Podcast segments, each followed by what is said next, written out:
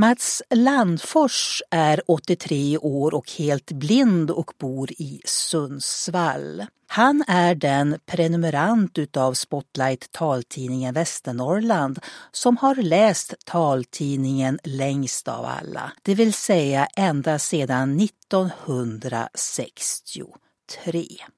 Jag har ringt upp Mats för att höra vad han tycker om Spotlight, taltidningen Västernorrland och den utveckling som har skett under alla dessa 58 år.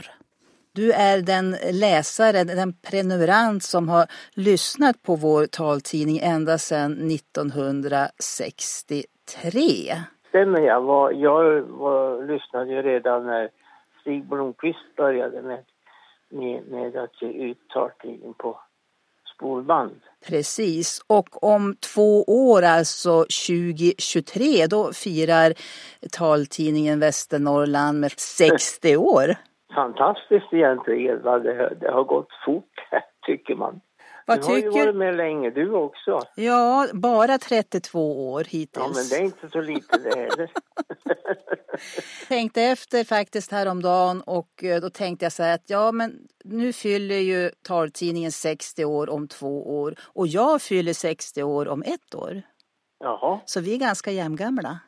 Det är tydligen så ja. Och vad tycker du om utvecklingen när det gäller just Spotlight taltidningen Västernorrland under alla dessa år? Ja, hör du, jag tycker att det var många saker som har varit väldigt bra och intressanta och just det här att man har, att man har intervjuat människor som har stått i olika eh, uppgifter i livet. Jag tycker jag har varit väldigt inspirerande att lyssna till. Det får jag säga. Har du något tips på hur taltidningen ska fortsätta att utvecklas?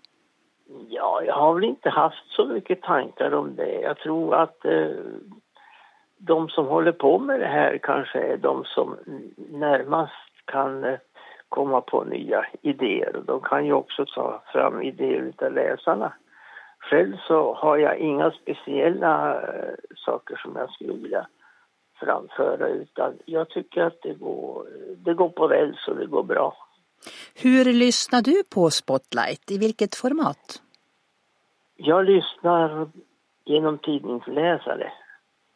Det är alltså en sån här eh, automatisk, man sätter på och så får man tidningen, Sundsvalls tidning och så kan man koppla över till Spotlight och så om man har ytterligare någon tidning så kan man läsa den. Du har alltså en Daisy-spelare hemma som du kan lyssna på både dagstidning och eh, taltidningen som bilaga. Just det, mm. så går det till.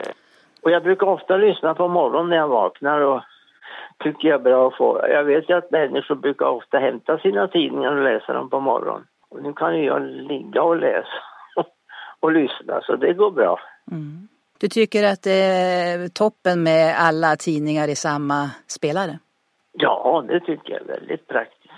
Känner du till den här nya utredningen som MTM har gjort som det ska tas beslut om i höst av riksdag och regering? Om att ja. Eh, alla ska kunna få en gratis Daisy-spelare och support och ja. uppkoppling. Vad tycker du om det? Jag tycker det är bra. Det är en bra idé. De här Daisy-spelarna fungerar ju väldigt bra tycker jag. Det, de, de är hållbara och bra. Är den lätt att använda? Ja, jag tycker det, men det finns de som inte tycker det, vet jag. De tycker det är för mycket knappar och sådär och vet inte vad de ska trycka på. Men eh, det har nog getts lite för dålig information om de här. Man kommer dit med dem och sen så får de ingen vidare information om hur de fungerar. Så går det inte att göra. Man får ringa så. taltidningshjälpen helt enkelt? Ja, visst, absolut. Och jag som ringde upp Mats Landfors i Sundsvall heter Annette Strandqvist.